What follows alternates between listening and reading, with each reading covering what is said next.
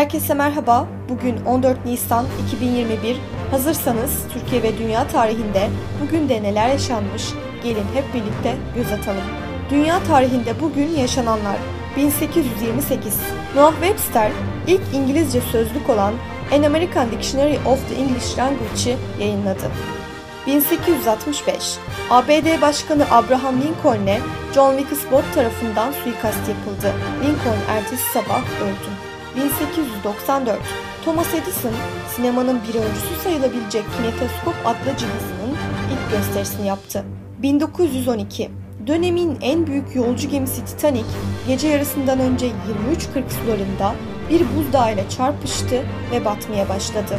1956 Chicago'da video ilk kez halka tanıtıldı.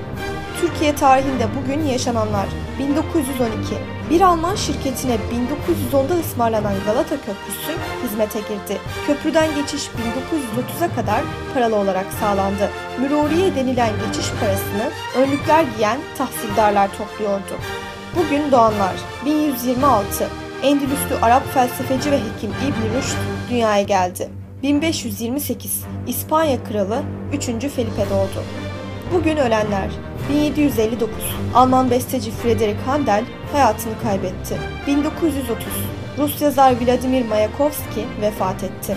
Bugünkü bültenimizi de burada sonlandırıyoruz. Programımızda tarihte gerçekleşen önemli olayları ele aldık. Yarın da tarihte neler olduğunu merak ediyorsanız bizi dinlemeyi unutmayın. Yarın görüşmek üzere.